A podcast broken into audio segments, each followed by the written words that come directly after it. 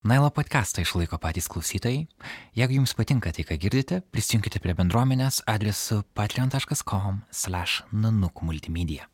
Kaip vienas žodis. Šią savaitę prisijungia Astas Mangurauskaitė, Neringa Gedraitė, Dalė Plikūnė ir Remigijus Paulauskas. Taip pat kviečiame skirti mums 2 procentus savo pajamų mokesčio. Mūsų viešosios įstaigos pavadinimas yra Dokumedija. Ačiū visiems palaikantiems Nanuk žurnalistiką. Gero klausimo.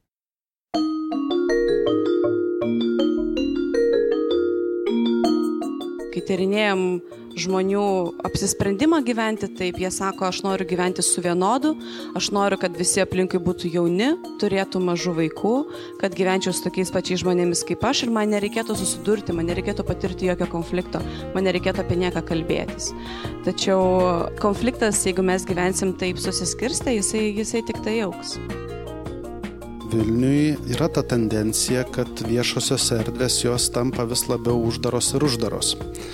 Tai viena vertus, kiekviena mokykla nori pasidaryti savo tvorą, nes mūsų vaikai lanko mokyklas ir tada ten, kad neteitų pašaliniai žmonės ir taip toliau, bet ta tvora jinai ir užsidaro po mokyklos laiko ir niekas ten nebegali ateiti pabūt. Vieną vakarą įsijungiau televizorių. Vilnius merų norintys būti vyrai ir visi jie buvo vyrai, kalbėjo, ką keistų mieste. Pirma pusė diskusijos buvo apie mokesčius, antra apie vis nepastatomą nacionalinį stadioną ir tada dar buvo dalis apie šiukšlių išvežimą. Bet ar Vilnius yra tik tai? Mes pakvietėme mūsų klausytojus ir visus žmonės Vilnių pasirinkusius savo namais atsakyti iš tą klausimą. Norėjome sužinoti, kaip jie patiria Vilnių. Ar jie jaučia, kad šis miestas yra jiems ir jų. Po sovietmečio liko, pavyzdžiui, Žalgerio stadionas. Jis buvo apleistas, o paskui visuomenė įtikino, kad teritorija yra apleista, ją reikia sutvarkyti. Ir ją sutvarko. Ką mes dabar turime? Mes neturim ne tik stadiono, mes neturim viešosios erdvės. Tai buvo erdvė, kur žmonės galėjo susirinkti tame rajone. Tas rajonas dabar tokios vietos neturi.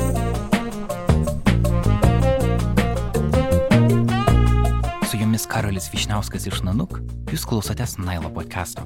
Vietos, kur kas savaitę bandome suprasti modernų pasaulį.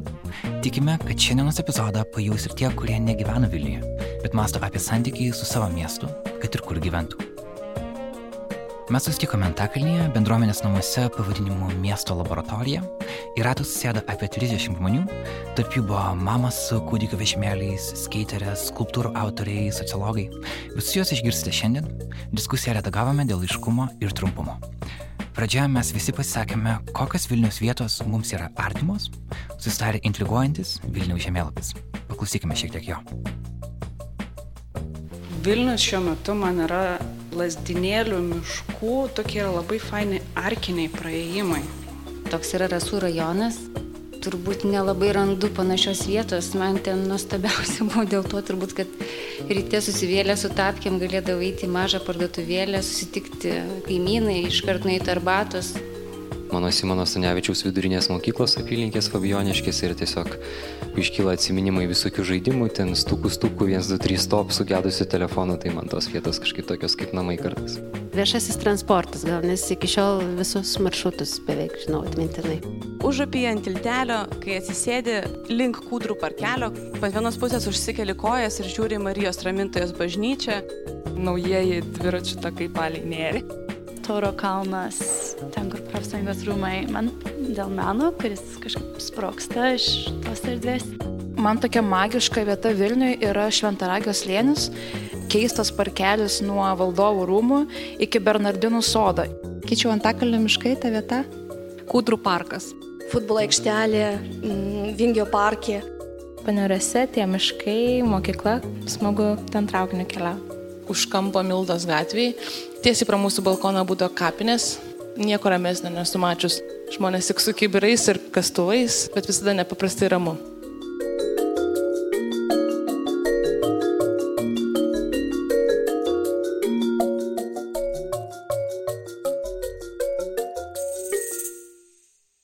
Vilniečio diskusiją apie miestą pradėjo mamos.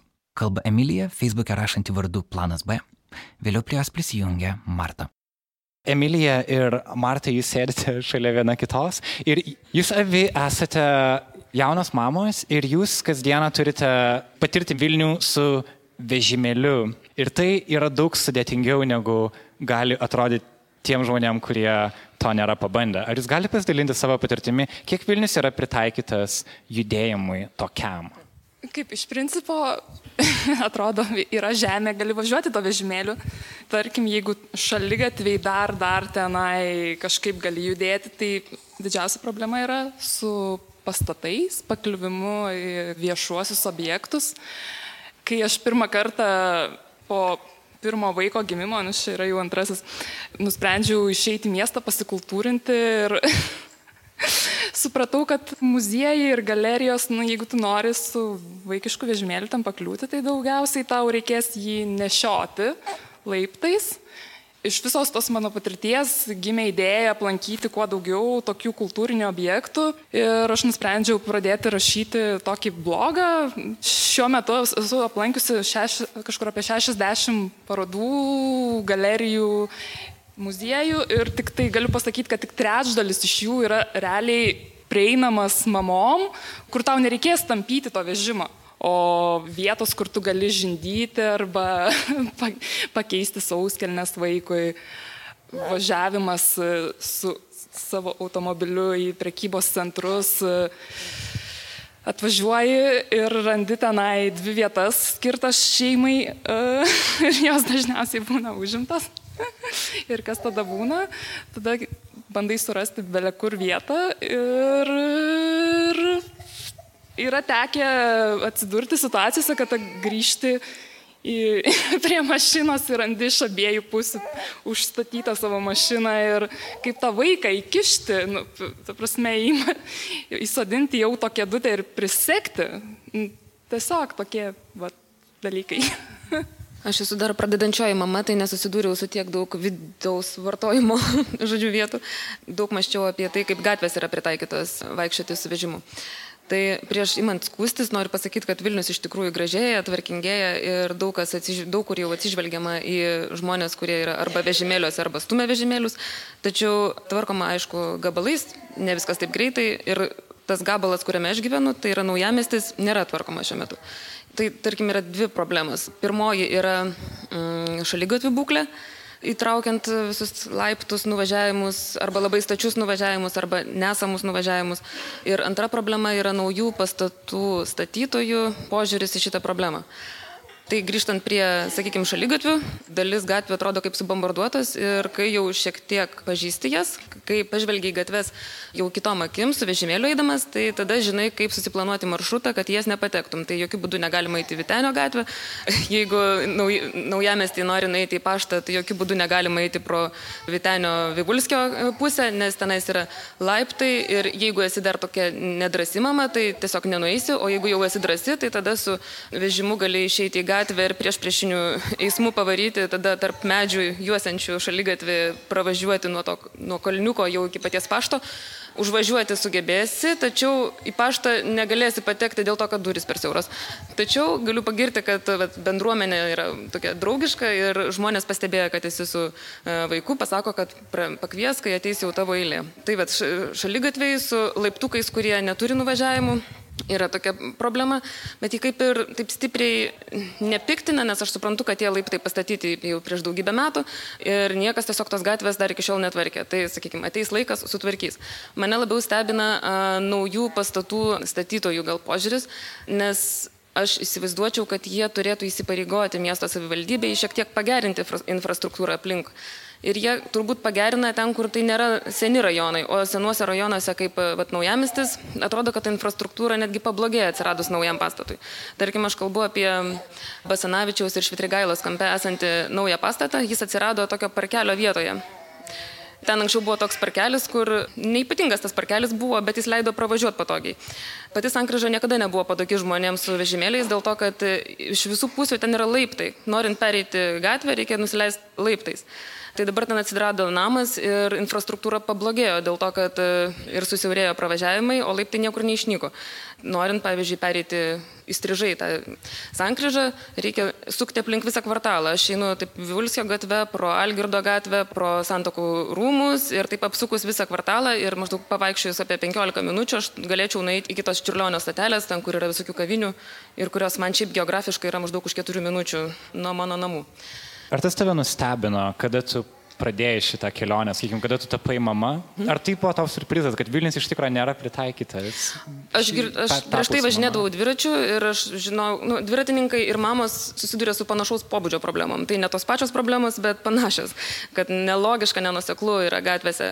Tai aš nesistebiu, kad anksčiau buvo išplanuojama uh, nu, neapgalvotai. Tačiau dabar norėtųsi, kad naujų pastatų statytojai ne varnelės sudėliotų prie to, kad vat, neįgalieji turėtų užvažiuoti o iš tikrųjų padarytų, kad užvažiuot būtų įmanoma. Tai pavyzdžiui, Oslo namai irgi puikus atrodo kvartalas ir viskas atrodytų kaip ir gerai, kol vaikštai pėsčiomis, o jeigu nori užvažiuoti vežimėliu, supranti, kad tau reikia labai daug jėgų, taip įsibėgėti ir važiuoti, važiuoti, važiuoti, važiuoti.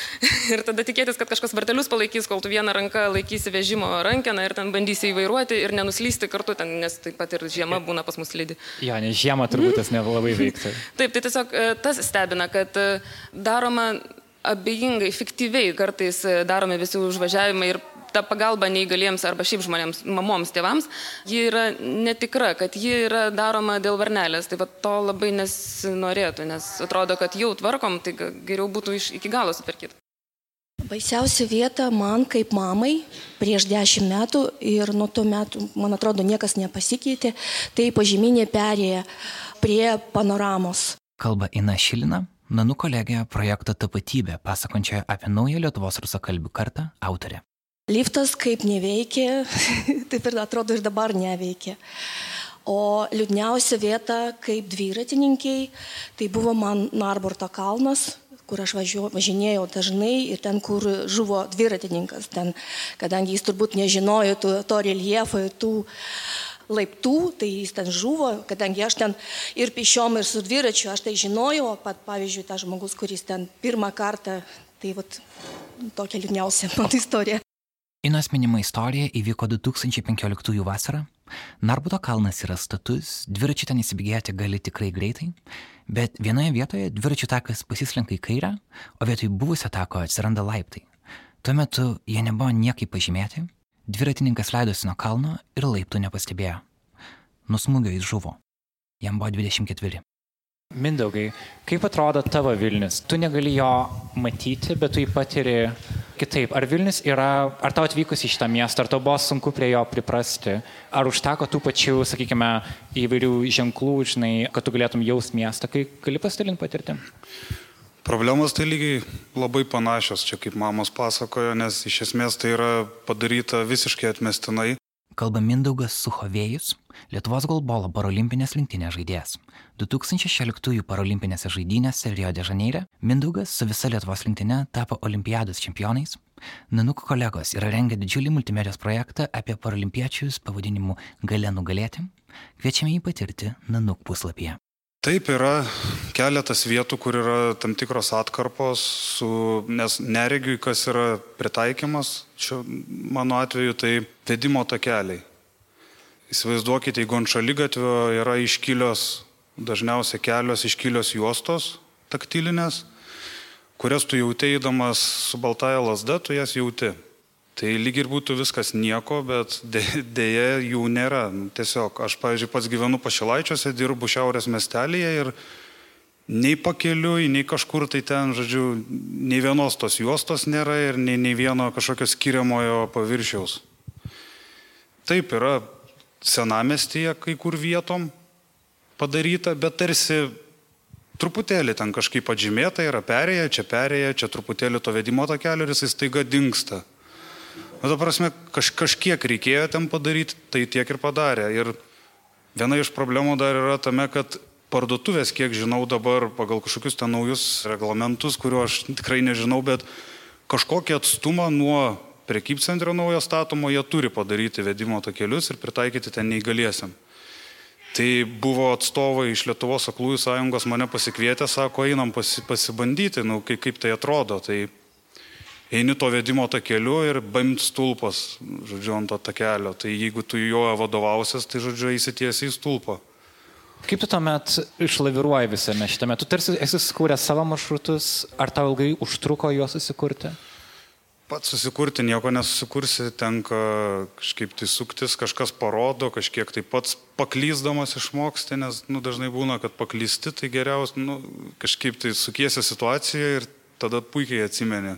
O šiaip pats, pats eini išmoktus maršrutus, ieškaisi savų orientyrų, tie orientyrai tai būna stulpai, nusukimai, medžiai, šakos nenukapot, nenupjautos, kurios į kelią išlindusios tave užkabina, o tai čia orientyras gali būti. Nu, žodžiu, va tokiais dalykais, nes taip tai yra daroma po truputėlį, bet pakankamai atmestinai ir, ir kiek aš žinau, ta problema yra tame, kad kai yra suplanuojama kažkokia, nežinau, pertvarka ar ten kažkokia atkarpa, kurioje darys, tiesiog su nieko nėra konsultuojamasi, nėra, nėra klausiama ten, aš nežinau, neįgaliųjų tam tikrų atstovų, kaip, kaip, kaip tai turėtų atrodyti. Tai yra tiesiog padaroma ir, ir, ir jau vėliau problemos tvarkomos. Dažniausiai būna nesutvarkomos, nes stulpų neperkelsi turbūt dažno, dažnais atvejais. Tai tokia ir situacija.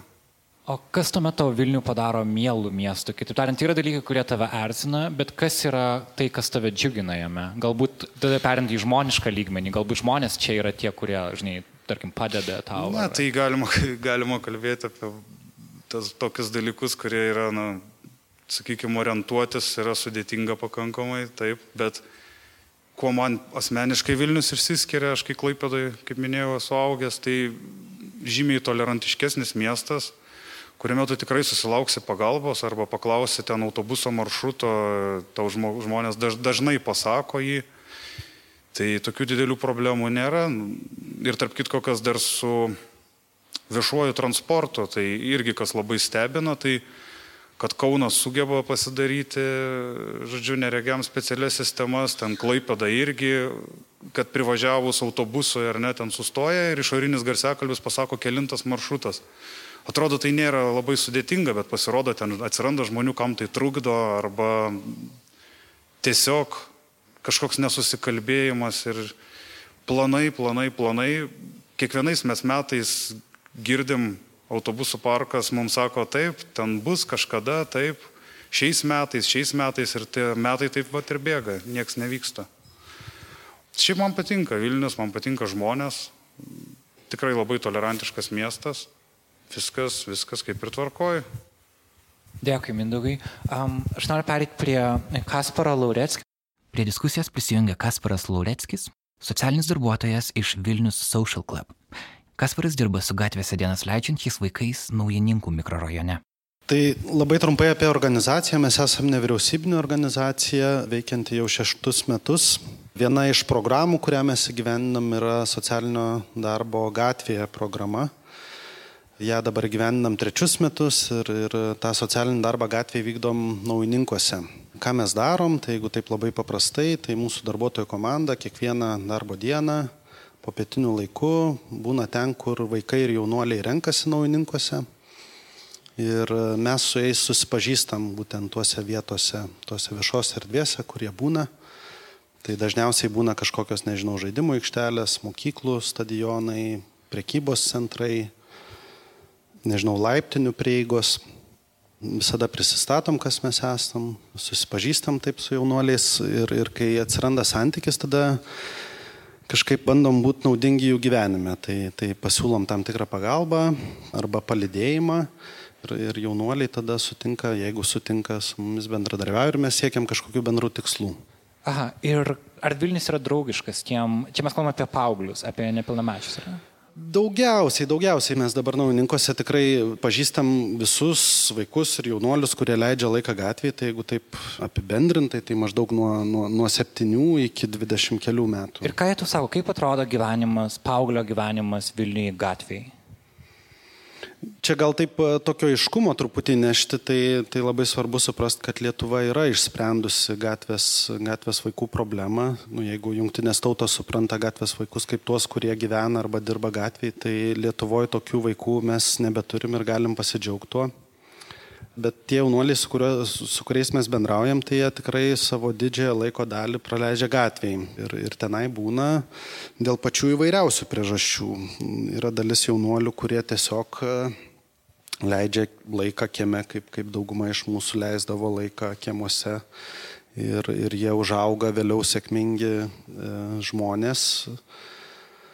Bet yra dalis tų žmonių, kurie patiria daugiau sunkumų, negu, negu tik neturi ką veikti arba neturi erdvės, kur susitikti ir būti. Tai, tai jie patiria sunkumų šeimose labai dažnai arba yra tam tikros rizikos, kada, kada žmonės būdami, vaikai būdami, jaunuoliai būdami ilgą laiką gatvėje su juom susiduria. Tai apie naujininkus kalbant, naujininkai, kiek žinot, yra tokia tranzitinė stotelė priklausomų žmonių. Mato daug, daug tie vaikai ir, ir jaunuoliai naujininkose, tų priklausomų žmonių ir su jais sustinka ir, ir irgi bendrauja. Vilniaus gatvės tiem žmonėm, aš suprantu, yra kaip tam tikras pabėgimas iš namų irgi ir Martina norėjo pridėti. Mhm. Tiesiog įdomu, kaip toj gatvėje jaučiasi vaikai, ar jie jaučiasi tas kiemo ir gatvės šeimininkai, ar jie jaučiasi saugiai ir ar tam visam procese su socialiniais darbuotojais, ar jie mokosi turėti kažkokios galios ir įtakos savo rajone ir ar tai kažkaip tai atsiliepia jų gyvenime, kad jie išmoksta galbūt galiausiai ir prisimti atsakomybę savo gyvenime. Kaip žmonės patiria, tie, tie vaikai, jaunuoliai, su kuriais mes bendraujam nauninkose, kaip jie patiria Vilnių, tai jie labai nedaug Vilniaus patiria, ne? tai ta izolacija rajonuose jinai yra labai didelė. Tai jaunuoliai, kurie vat, gyvena nauninkose arba aš anksčiau dirbau irgi gatvėje viršuliškėse, tai e, Aš pats augau kuršienuose, man atrodo, į senamestį aš važiuodavau dažniau už kuršienų, ten kartą per metus, nu, ekskursija į Vilnių ir ten visus muziejus, iš kur šiandien dažniau atvažiuodavau, negu jie dabar atvažiuoja į tas erdves viešas, kuriuose mums įprasta būti. Tai jie, jų Vilnius yra daug mažesnis negu, negu mūsų, net tas mobilumas yra daug, daug labiau sumažėjęs, jie atsibunda ryte, eina arba neina į mokyklą, viską atlieka vienam, vienam rajone. Kitas dalykas, kad ten, nu, naujininkai, tai irgi čia apie atskirą rajoną reikia kalbėti atskirai. Man atrodo, nu, tik tai taip sprendžiamos problemos ir mes, nu, labai yra pavojinga ne viską sudėti vieną lentynėlę. Visas Vilnius yra vienoks arba kitoks, o ne tai senamės, tai yra vienokie dalykai, kitur yra kitokie. Tai naujininkose, kas tikrai išiškėja, kad, nu, labai labai trūksta paslaugų vaikams ir jaunuoliams. Naujininkose dabar yra du vaikų dienos centrai, kuriuos per abu paėmus ten turbūt lanko, nežinau, 30 vaikų. Tie vaikų dienos centrai mes labai džiaugiamės, kad jie yra, jie labai gerai dirba. Ir viskas, ne, tai iki 12 metų jie palanko vaikų dienos centrą, tada iškrenta ir tada nebeturi galimybių tie, tie vaikai jaunuoliai niekur lankytis. Ir tada automatiškai viešosios erdvės tampa tiesiog natūraliai vieta, kur jie gali būti ir, ir, ir leisti laiką ir socializuotis. Mes kaip gatvės darbuotojai, tai tikrai mums labai patinka, kai vaikai jaunuoliai leidžia laiką gatvėje. Mes nesakom, kad gatvė yra bloga vieta, labai pavojinga, kad čia niekas neturėtų būti gatvėje, kad vaikų nebegali būti gatvėse. Mums patinka, mes galvojam, kad tai yra gera vieta, kur žmonės gali susitikti, išbandyti savo ribas, ne ypatingai jaunystės laikotarpį, bet ten yra tos rizikos kurios turėtų būti kiek įmanoma sumažintos. Ir, ir kaip tas rizikas mes galime mažinti, tai viena vertus kelti pačių vaikų jaunolių samoningumą, kad jie žinotų, ne su kuo saugu būti, su kuo nesaugu, kur tu gali būti, kur negali, ar žino tavo tėvai, draugai, kur tu esi, su kuo būni ir taip toliau, kur kreiptis pagalbos, jeigu tau užtiko bėda. Bet kitas dalykas, kad tos erdvės jos turėtų būti pritaikytos, o Vilniui yra ta tendencija, kad viešosios erdvės jos tampa vis labiau uždaros ir uždaros. Tai viena vertus, nu, kiekviena mokykla nori pasidaryti e, savo tvorą, nes mūsų vaikai lanko mokyklas ir tada ten, kad neteitų pašaliniai žmonės ir taip toliau, bet, bet ta tvora jinai ir užsidaro po mokyklos laiko ir niekas ten nebegali ateiti pabūt. Dabar naujininkose tvarkosi tas e, taksi parkas, ne, ten atsikėlė naujos įmonės, verslai, bet e, kiek va, ten buvau, tai, tai ten norint patekti į pastatą, ten tokios, nežinau, į džimplius įeiti reikia pirštų at, anspaudą, ar, nu, ne pirštų, bet gauni kažkokį magnetuką, kurį palietęs, tau tik tai tada atsidaro duris, žodžiu, įeiti į tą, tą erdvę. Ir man atrodo, nu, vat, tai yra kryptis, kuria, kuria juda visuomenė. Mes greit nebepateksim į viešai transportą, neturėdami magnetuko neturėdami ten banko kortelės neįeis į prie bankomato, ne, erdvės jos užsidaro, o tie atskirtie žmonės ir atskirti gyvenantys žmonės, jie nu, ne, nejuda taip su technologijom. Mes dar nu, vis daugybę turim vaikų ir jaunuolių, kurie net užaugę nemoka skaityti ir rašyti. Nu, jau nekalbant apie prisijungimą, nežinau, elektroninę bankininkystę ir taip toliau. Tai klausimas tada, nu, kokias sudarom galimybės mes atskirti esantiems žmonėms naudotis tom, tom viešosiam erdvėm. Ah. Ai, ir dar apie galę, bet apie Taip. galę keisti. Man atrodo, čia labai geras klausimas ir jisai truputį paaiškina, kodėl vaikai jaunuoliai jie būna gatvėje ir, ir kodėl jie visada tenai bus. Dėl to, kad paprastai tie, tie vaikai jaunuoliai, jie savo šeimose negerai jaučiasi visų pirma, tada negerai jaučiasi mokyklose, nu, jaučiasi nereikalingi, jiem trūksta įgūdžių išbūti tenai ir tada jie išeina į gatvę dėl to, kad ten jie jaučiasi daug geriau negu nu, įprastinėse erdvėse, kur mes paprastai gaunam tos, tos savo būtiniausius poreikius.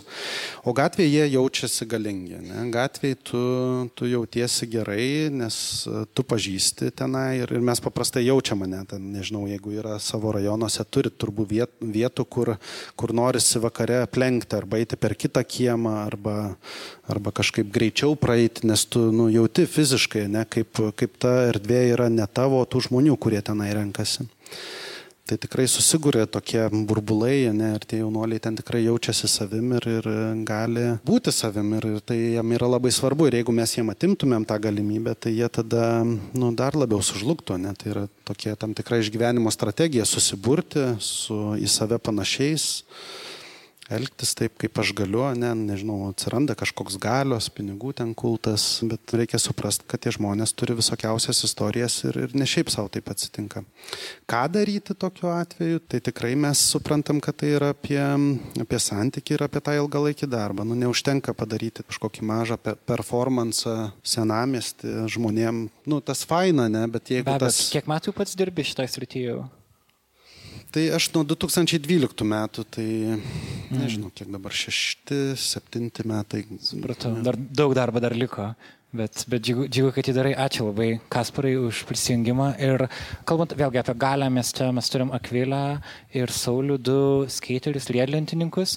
Ir atrodo, užtenka vienos lentos po tavo kojam ir tu tą galę gauni. Akvilė, kaip būdamas riedlentininkas, tu pažįsti miestą ir atsikovoji savotiškai erdves. Pavyzdžiui, žiūrint, tarkim, katedros aikštė atrodo visiškai centrinė miesto aikštė, ten nuolat sutinki žmonių su riedlentėm, kurie jaučiasi ten kaip namie.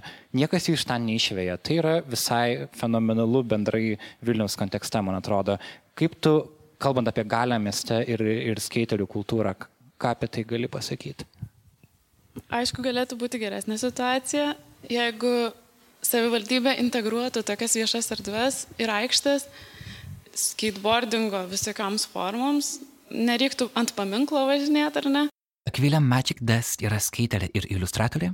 Šiuo metu Vilniuje, Pamienkalnio galerijoje yra eksponuojama jos piešinių apie miestą paroda pavadinimu Čia gyvename visi kartu. Ir yra daugybė užsienio pavyzdžių, kai viešos erdvės yra sukūriamos tokios daugia funkcinės, kur žmonės gali atsisėsti ant to bortelio, bet gali ir skateboarderiai važinėti tenais, riedlendininkai. Tai čia būtų žiauriai fainai, jeigu tai būtų katedrai. Dar kitas yra toksai aspektas man įdomus, kaip mes perkuriame ir pritaikome savo miestą, nes mes su kitais riedlentininkais esam sukūrę tokių kaip savo objektų iš cemento, kur galim važinėti kurie nėra pastatyti savivaldybės. Na, nu, žodžiu, mums jie labiausiai tinkantis, ar ne? Nes dažniausiai tos skate parkus stato žmonės, kurie galbūt e, jie patys nevažinėja riedlentą arba nebūtinai jie yra geri, net tie savivaldybės statyti parkai kaip prie Baltojo tilto, kuris buvo labai sugriuvęs daug metų ir kadangi jis buvo iš medžio, o medis dyla ir su lietum pūva, kelias vasaras ten nusilauždavo vaikai kojas, nes tiesiog atsiverdavo labai didelės skylės. Ir kai važiuoji ir pakliūva ratukas, tai tada tiesiog baigėsi greitąją pagalbą. Tai jo, man labai įdomus tas aspektas, kaip mes galim pritaikyti miestą savo reikmėms be savivaldybės kaip mes tai daromės, nežinau. Per... Ir ką, ką tavo patirtis rodo, kiek realiai tu gali keisti miestą be jokių projektų rašymo, tiesiog tu kaip vat, Vilnietė čia gyvenanti. Tu sakai, kad jūs susikūrė kažkokias erdves keitin patys savo. Jo, tai ir susikeitinimu, ir manau, kad grafiti yra toks pavyzdys, kaip mes e, perkeliame dalį savo meno į gatvę. Bet grafiti jau laikoma už ribų, tarsi už Taip, įstatymo tai, ribų. Riedlentės tai nėra. Ir riedlentės tam tikrą prasme irgi, jeigu mes statome kažką nelegaliai, tai nelegalu yra. Pats skaitinimas tas, nėra nelegalus dalykas. Dalinai, kai kuriuose vietose tai nelegalu, jeigu mes keitinam kažkokių objektų, kurie tam nepritaikyti, tarkim, paminklai, tai yra kviečiama policija. Galbūt katedroje tai yra toleruojama, bet kitur tiesiog dažnai tenka arba nuo apsaugos bėgti. Mhm, gal dar gali šiek tiek papasakoti apie patį tą priklausimą bendruomeniai. Jeigu tu pradedi važinėti, kokios atsiranda tokios socialinės miesto jungtis. Ar esi pati susidūrus ir sutinki žmonės, jaunesnius žmonės, kurie turbūt tam tikrą prasme susikuria savo saugę socialinę erdvę per važinėjimas ir jėtlintį? Mm, taip, bet čia gal Sauliai labiau iš tas klausimas, man atrodo. Kalba skaiteris ir videoklipų režisierius Saulis Baradinskas. Aš turiu šiek tiek tokį ryšį su riedlentėm, nes man teko dabar gal apie galvau, ateidamas čia, kiek aš važinėjau, tai apie 17 metų. Ir norėčiau atliepti vat, kolegai, kur kalbėjo, kodėl aš pradėjau važinėti. Nes, e, pavyzdžiui, mokykloje aš patirdavau labai didžiulės patyčias, šeimoje pas mane tėvai skiriasi ir dirbo darbus, aš nesutardavau su broliu ir sesėm ir aš jau važinėti su skeitu vien dėl to, kad aš galėčiau pabūti gatvėje. Gatvėje būdamas aš jausdavausi laisvas ir aš labai džiaugiuosi, kad aš važinėjau skeitu, nes važinėdamas skeitu aš susiradau draugus, Aš sugebėjau užsimti savo laiką, save realizuoti, taip nukreipti savo dėmesį. Išmokdamas triukus aš taip gavau pagarbą mokykloje ir ačiū Dievui, kad pradėjau važinėti, nes dabar aš ir per tai sukūriau savo profesiją, kurioje esu. Atliepiant tą socialinį ryšį, labai yra įdomus dalykai, kad aš pastebėjau, kad tai netiko ne tik man, nes aš mačiau ir dvi kartas prieš tai, ir dabar jau dvi jaunasias kartas, su kuriuom aš važinėjau.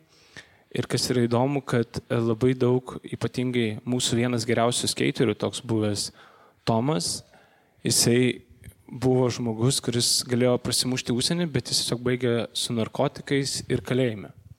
Ir čia yra labai rimta problema, kad e, tas dalykas ir šleifas eina labai iki dabar. Ir buvo dėl to, kad kai jaunas vaikas važinėja dar mieste, jisai yra išgenamas policininku, jis iš viso jaučiasi, nu, kaip niekam nereikalingas.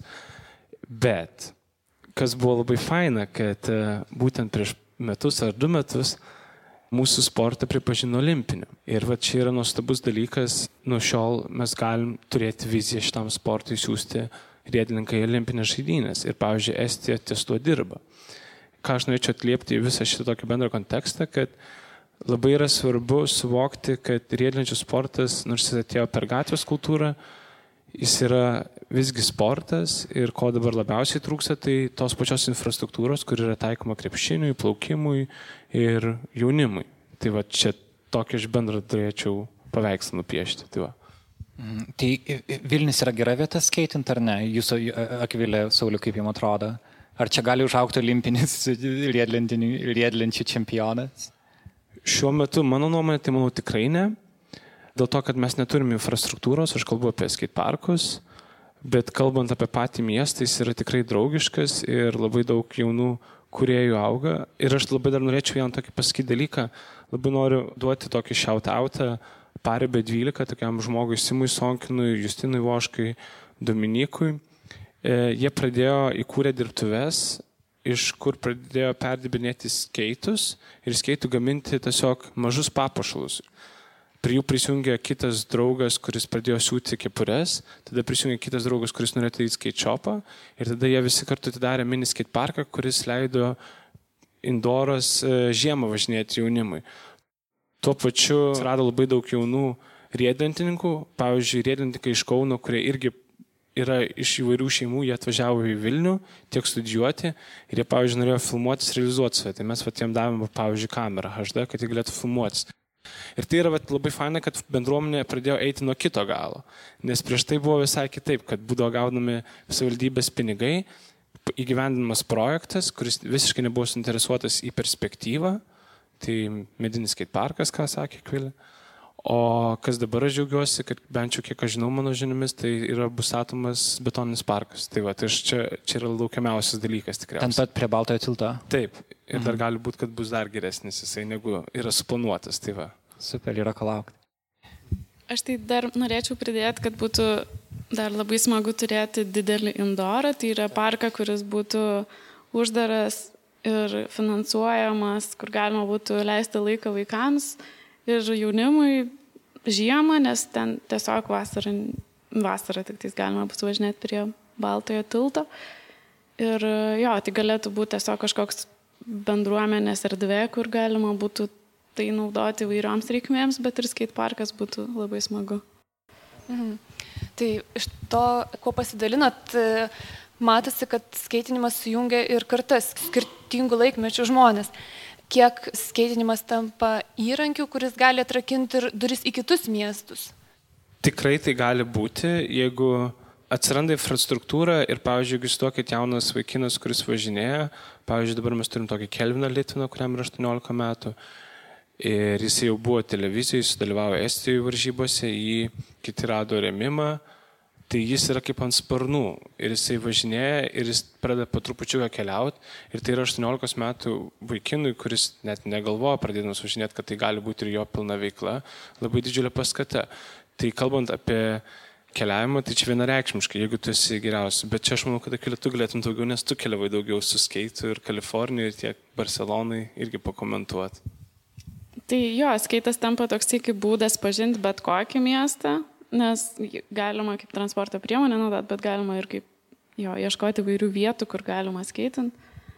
Tai tiesiog motivacija keliauti gal irgi, nes yra noras plėsti tas erdvės, kur galima skaitant. Bet tu pradėjai Vilniuje. Aš pradėjau Vilniuje. Mhm. Tai jo, apie tai ką Iš Martinas. dalies atsistojau Barcelonai pirmą kartą, gal ar ne pirmą kartą, bet jo.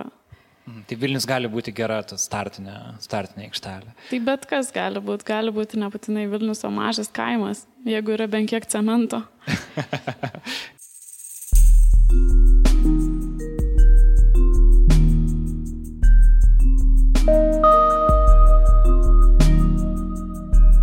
Leiskite padėkoti podcast'o partneriams kompanijai MailerLite. Daugiau nei 500 tūkstančių organizacijų visame pasaulyje naudoja MailerLite savo naujienlaiškiams sukurti. Mes esame vieni jų, tad tuo pačiu rekomenduojame užsiprenumeruoti Nanuk naujienlaiškį, ten dalinamės su savo žurnalistiniais darbais. Nanuk LT puslapyje galima tą padaryti. O MailerLite su mumis yra nuo pat pradžių, kai tik pradėjome kurti podcastą. Jie yra tarptautinė tapusi lietuviška kompanija, jie įsikūrė čia pat Vilniuje ir jų platforma iki pirmų tūkstančio naujienlaiškio gavėjų yra visiškai nemokama. MailerLite.com toks yra adresas, išbandykite tai patys. Beje, su MailerLite pagalba mes taip pat galėjome atidaryti Nailo podcast'o parodą. Ji iki kovo 15-osios yra eksponuojama Vilniuje, Martino Mašvito bibliotekoje. Geriausi podcast'o portretai ir interviu ištraukos, viskas ten laukia užtamsintoje Mašvido parodų salėje. Kviečiame tai patirti, priminsiu, iki kovo 15-osios dar galima tai padaryti. O dabar grįžtame į miesto laboratoriją. Dėkui, Akvilė, dėkui, Sauliui. Mes čia taip pat turime Andrių Labašauską ir Mykolą Sauką, du skulptorius su dviem skirtingomis patirtimis, nes viešasis erdvės ir skulptūros mieste yra visų matomos. Ir tai yra vienas tokių tradicinių būdų, kaip galima miestą keisti. Ir Mykolai, tau pavyko tai padaryti, bet tavo skulptūros yra toliau nuo centro, jos yra viršuliškėse. Tuo tarpu Andriaus istorija yra gerai žinoma, kad tu, tu padarai laimėjusi projektą Lukišką aikštį, kuris galiausiai nebuvo įgyvendintas. Tai aš gal, pradėkim gal Mykolai nuo tavęs. Kaip buvo, kad tu nusprendėjai daryti savo skulptūras, bet jas daryti toli nuo centro. Ar dėl to tau buvo lengviau jas ten pastatyti? Ir ar jautai, kad turi daugiau laisvės kažką darydamas viršuliškėse versus jeigu būtum norėjęs tai padaryti, pavyzdžiui, miesto centre, ką norėjo Andris? Be abejo, be abejo lengviau, lengviau viršuliškėse, bet e, kita vertus e, ne tik dėl to dariau, kad lengviau, e, bet dėl to, kad nėra ko lysti su tokiom skultūrom į kokias lūkiškės ar šiaip link centro nėra ko lysti. Mykolas Sauka yra skulptorius ir rašytojas. Jo viršuliškių skulptūras pamatykite Nanuk tinklalapyje greta šio podcast'o epizodo aprašymo. Jos tiko, man atrodo, tenais geriau. Aš pastatysiu penkias skulptūras, bus e, penkios skulptūros ir jom pozavo tiesiog žmonės, kurie atsiliepė. Aš juos suradau, jie paprasti eiliniai žmonės, kurie sutiko papozuoti ir jie panašus į save ir tokie jie atsidūrė tam miške. Dabar yra trys, yra Sima, Jurgis ir Eduardas ir dar bus Linas ir Rūta. Iki gegužės aš juos pastatysiu. Ir kaip viršuliškiečiai reagavo į tai? Ar sulaukė kažkokių reakcijų? Jo, iš pradžių, iš pradžių man liepė rasti kitą vietą. Sakė, kad kažkas pasiskambino. Kas, kas tau tai liepė? Nu, iš tai valdybės man parašė, paskambino, sako, kad kažkas parašė skundą, kad gazdins vaikus, nu, nes pamatė fotomontažą, buvo jis labai baisus. Tada aš važinėjau, ieškojau kitos vietos, apžiūrėjau daug, daug miškelių. Netgi Vingio parką svarščiau, bet pamačiau, kad ten kažkaip e, žmonės ir taip laimingi, kažkaip jiems nieko netrūksta ir nesinori ten lysti. O tas parkelis, jis toks yra mažas, ant kalno ir ten galima tokį padaryti kaip kažkokį reiškinį jau. Ir, ir svarbiausia tai, kad jį, sunku jį sugadinti buvo, nes jis buvo tiek jau, tiek apleistas ir ten ir švirkštų, ir žvakių degančių buvo, ta prasme jis galėjo sudegti netgi. Ir, ir butelių, nu visko ten, žodžiu, ką sakė gyventojai, tai visi sakė, o kas čia toks, klausė, ar čia politikas kažkoks. Visų pirma, tada klausė. Tada sakė, faina, labai gražu, labai panašus, sakė į, nu, į save, nežinau, labai realistiškas, gražios raukšlytės, pirštų ir panašiai. Ir tada sako, dar, dar reikėtų takelių, reikėtų šitų soliukų padaryti, išgenėti šitas avietės ir, ir kas ten dar. Aha. Ir dar sakė, kad būtinai narkomanai ten jas ap, nu, apdergs, žodžiu, vis, visai ir, ir sulaužys. Tai va tos du dalykus, bet aš kalbėjau ir su narkomanais. Ir narkomanai irgi labai gana nu, pozityviai reagavo, vienu žodžiu kiek supratau. Ok, e, ir vienas projektas, į kurį netai pozityviai reagavo Vilniečiai. Andriu, čia yra tavo istorija. Tiksliau, dalis Vilniečiai reagavo labai pozityviai, o dalis labai net. Kalbam apie Lukišką aikštės istoriją ir ten norą pirmiausia pastatyti Vytį, tada skelbti konkursą, kurį laimėjo tavo projektas, kuris buvo visai ne Vytis. Šiuo metu Lukiška aikštė atrodo jau mes ir pripratom prie jos, kokia jinai yra, bet turbūt ten dar nesibaigia. Ar tu dar vis turi vilti, kad tavo projektas bus įgyvendintas? Tai aš visą žiemą pradirbau laukia, praktiškai padariau aš tos e, jau realaus dydžio, žodžiu, tą senelę, tai darbai vyksta tiesiog. Visi tikisi, kad taip per vieną dieną viskas pasidaro, bet taip nėra. Toks sunkus kelias, tai dar ne pabaiga, bet žiūrėsim, kaip bus, aš tiksliai nežinau. Andrius Labašauskas yra skulptorius, kurio projektas Laisvės kalvelė turėjo atsidurti renovuotoje Vilniaus Lukiškių aikštėje. Andrius laimėjo Vilniaus savivaldybės paskelbtą konkursą, bet kultūros paveldo departamentas pranešė, kad jo projektas yra netinkamas, nes dėl jo reikėtų keisti aikštės reljefą. Taip pat didelė dalis Vilniečių pasisakė, kad Lukiškio aikštėje turėtų stovėti Vyčio skulptūra. Sovietinės okupacijos metais Lukiškio aikštėje stovėjo Lenino skulptūra. Šiuo metu ten jokios skulptūros nėra. Nei Vyčio, nei Laisvės kalvelės. Bet tai ar tu jau turi uždegtą žalę šviesą tavo projekto įgyvendinimui? Ne, nes dar teismas vyksta. Tai teismas posėdį nukėlė į balandį ir gali dar nukelt. Tai toks, tokia situacija. Kiek jau laiko tęsiasi šitą situaciją? Nuo, tos, nuo to laiko, kada tu, tavo, žinai, buvo paskelbta, kad tu laimėjai konkursą iki dabar, čia kokie metai daugiau gal netgi? Taip, met, kažkaip virš metų jau. Jau metai ir keli mėnesiai.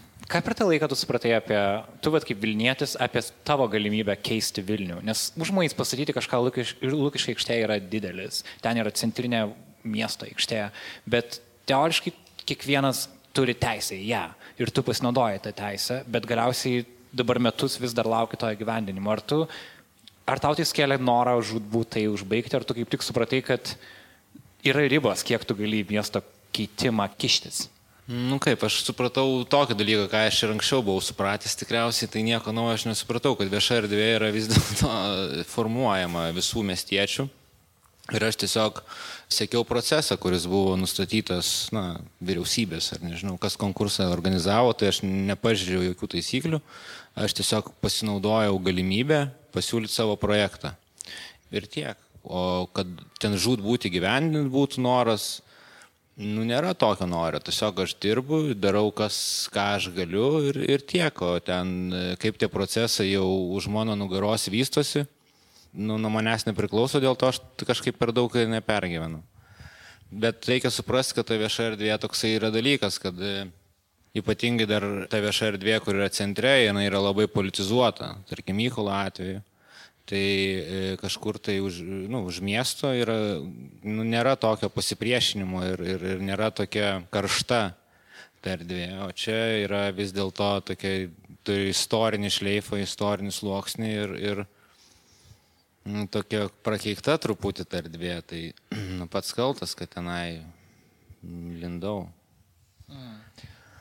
Galbūt čia ir tarp sėdinčių žmonių yra kitų žmonių, kurie bandė kažkokiu būdu keisti Vilniaus viešą erdvę, ką pabandė daryti Kvilė, ką pabandė daryti tu, ką pabandė Andriu, ką Mykolas darė. Ir gal jūs turite istoriją, ar jums pavyko, ar jums nepavyko, um, būtų įdomu išgirsti.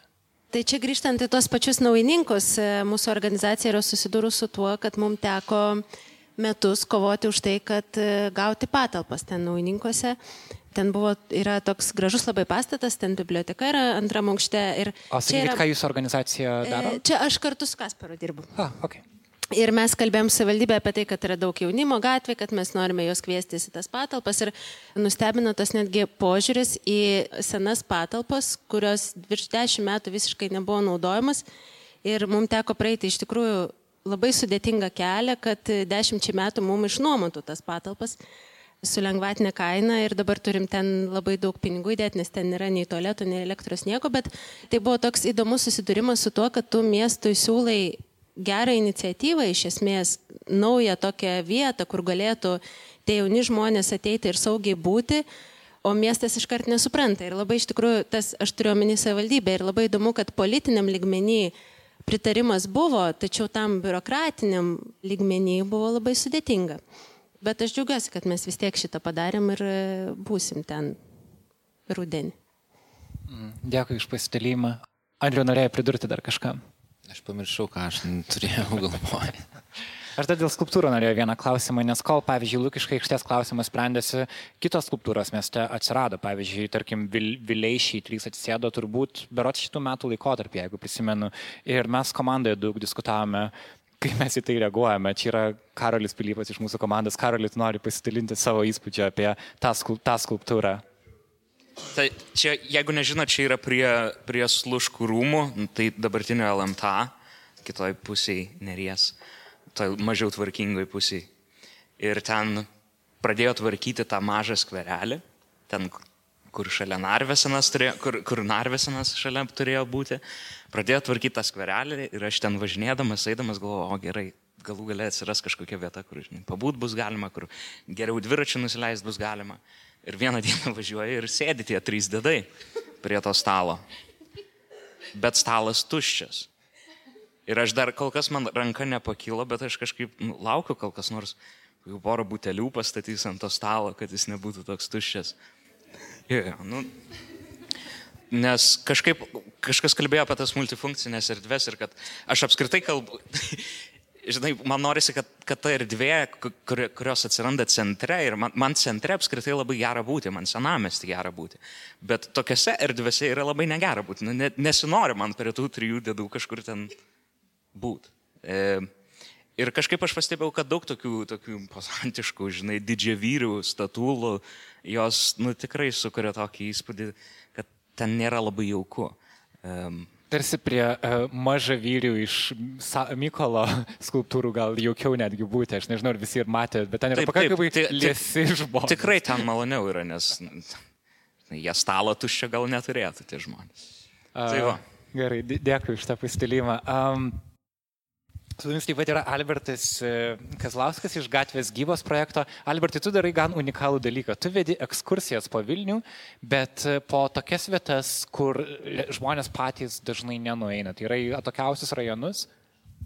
Aš suprantu, kad tavo, diskus, tavo ekskursijos yra populiarios. Žmon, Vilniečių yra susidomėjimas nueiti į tolesnius rajonus, bet jie turbūt be tavo pagalbos galbūt patys to ar nepadaro. Kokie, kiek tu pakankamai ilgai tai darai, kokius tu galbūt išvadas pasidarai iš kaip mes patirime miestą ir kodėl kartais reikia tokių žmonių kaip tu, kad mes išdrįstumėm nueiti truputį toliau.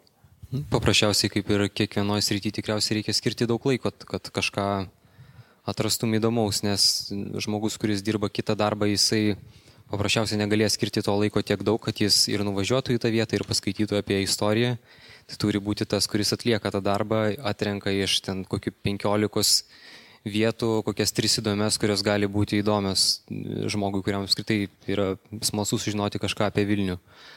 O šiaip man pačiam irgi tai yra visą laiką įdomu, kas mane veda į priekį, yra tai, kad aš pats esu visą laiką suinteresuotas ir suintriguotas tomis istorijomis, kurios gali būti kažkur už kampo Vilniuje. Ir ką tu supratai apie Vilnių dalydamas šias ekskursijas, pavyzdžiui, po e, tuos pačius žirmūnus, po panerius, po naujininkus, kaip tu miestą pažinai kitaip negu iki kol tu pradėjai tai daryti? Aš pradėjau apskritai miesto istoriją domėtis 20 turbūt, nu, kokių keturių metų, gal trijų. Iki tol man tai buvo visiškai neįdomu, absoliučiai tiesiog neįdomu. Ir, bet po to toks įvyko kažkoks pokytis, netyčia nuėjau gydų kursus, po to kažką išgirdęs apie Vilnių taip užsikabinau, tikrai kaip narkotikas man tai tapo. Nu ir tada Vilnius man tapo visiškai kitoks. Man atrodo, tai yra labai įdomus miestas ir Tai yra įdomus miestas visiems ir tiems žmonėms, kurie čia gyvena, ir tie, kurie atvažiuoja iš kitų Lietuvos vietovių gyventi čia naujai. Ir tai yra labai įdomus miestas užsieniečių, tiesiog reikia kartais mokėti jį pateikti, nes tai yra praktiškai tu bet kuriuo kampu pasukęs šitą miestą gali sudominti jo istoriją arba jo tiesiog vaizdais kažkokiais namais, bet kokį žmogų, kuris atvyko iš bet kurio, bet kurio pasaulio krašto. Ir pavyzdžiui, mes dažnai kartais labai siaurai įsivaizduojame tą mūsų miesto grožį, nors, pavyzdžiui, neseniai teko girdėti tokią istoriją. E, atvažiavo Olandai, vat, žodžiu, tvarkingi vakarų Europos žmonės, jie pamatė tokį dokumentinį filmą apie užupį ir dalykas, kuris juos labiausiai suintrigavo, tai yra tos senos pašto dėžutės, tokios, kur žinot, atsidarai ir ten gali dėti žurnalus. Ir jie po to, kaip išprotėję, ieškojo, klausinėjo žmonių, kur galima dar tokias pašto dėžutės pamatyti. Tai čia yra vienas toksai daiktas, kuris yra šiaip nieko neipatingas, bet mūsų mieste Vilniuje, kuris turi tikrai labai daug sluoksnių ir labai daug ir skirtingų kultūrinių palikimų, yra ką parodyti ir tikrai tai yra įdomu. Ir, ir, ir svarbu nepamiršti, kad tai visą laiką galim pažinti mes patys, nebūtina važiuoti kažkur labai toli, kad kažką įdomaus atrasti pas mus to yra pilna sočiai. Ir aš pats kaip gydas jaučiu, kad e, būna kartais klausimo, tai kada čia važiuosim kur nors į Kauną, bet pas mus Vilniui daro veiklos kokiem 20 metų į priekį, tikrai, jeigu ne 50. Ir dažnai manoma, kad yra tam tikros Vilniaus vietos, kurias tarsi reikia, ro, nu, norisi rodyti, galbūt turistam, galbūt, kuriem mums patiems gera būti, tai be abejo yra nu, koks nors senamestis, žvėlynas, kitos vietos, kurias mes puikiai žinom, bet yra tos vietos, kurių, kurias pamilti yra daug sunkiau, kaip pavyzdžiui tie patys daugiabučių rajonai. Jie turi visą tą sovietinių daugiabučių šleifo ir atrodo, kad tai yra visai kitoks Vilnius, toks, kuriuo tu tarsi nenori didžiuotis ar dar kažkaip. Ir pavyzdžiui, tu atrodo, kad gebi pamilti kiekvieną rajoną savaip. Ir ar gali patarti galbūt kitiems žmonėms, kaip pavyzdžiui, kaip pavyzdžiui pamilti žirmūnų žmogų, kuris tiesiog nori iš ten greičiau išsikelti. Šiaip iš pradžių dar pasakysiu, kad aš labai myliu tiesą senamestį ir, ir šiaip esu didelis senamestį. Bet senamestį mylėti yra lengva. E, jo, bet aš manau, kad daug mūsų žmonių ir jo yra neatradę ir Vilniuje irgi yra tokia problema didelė, kad mes negerbėm senamestį, nors aš kaip ir vedu daugiau periferijas, bet kartais labai norisi, kad žmonės pamiltų ir jį.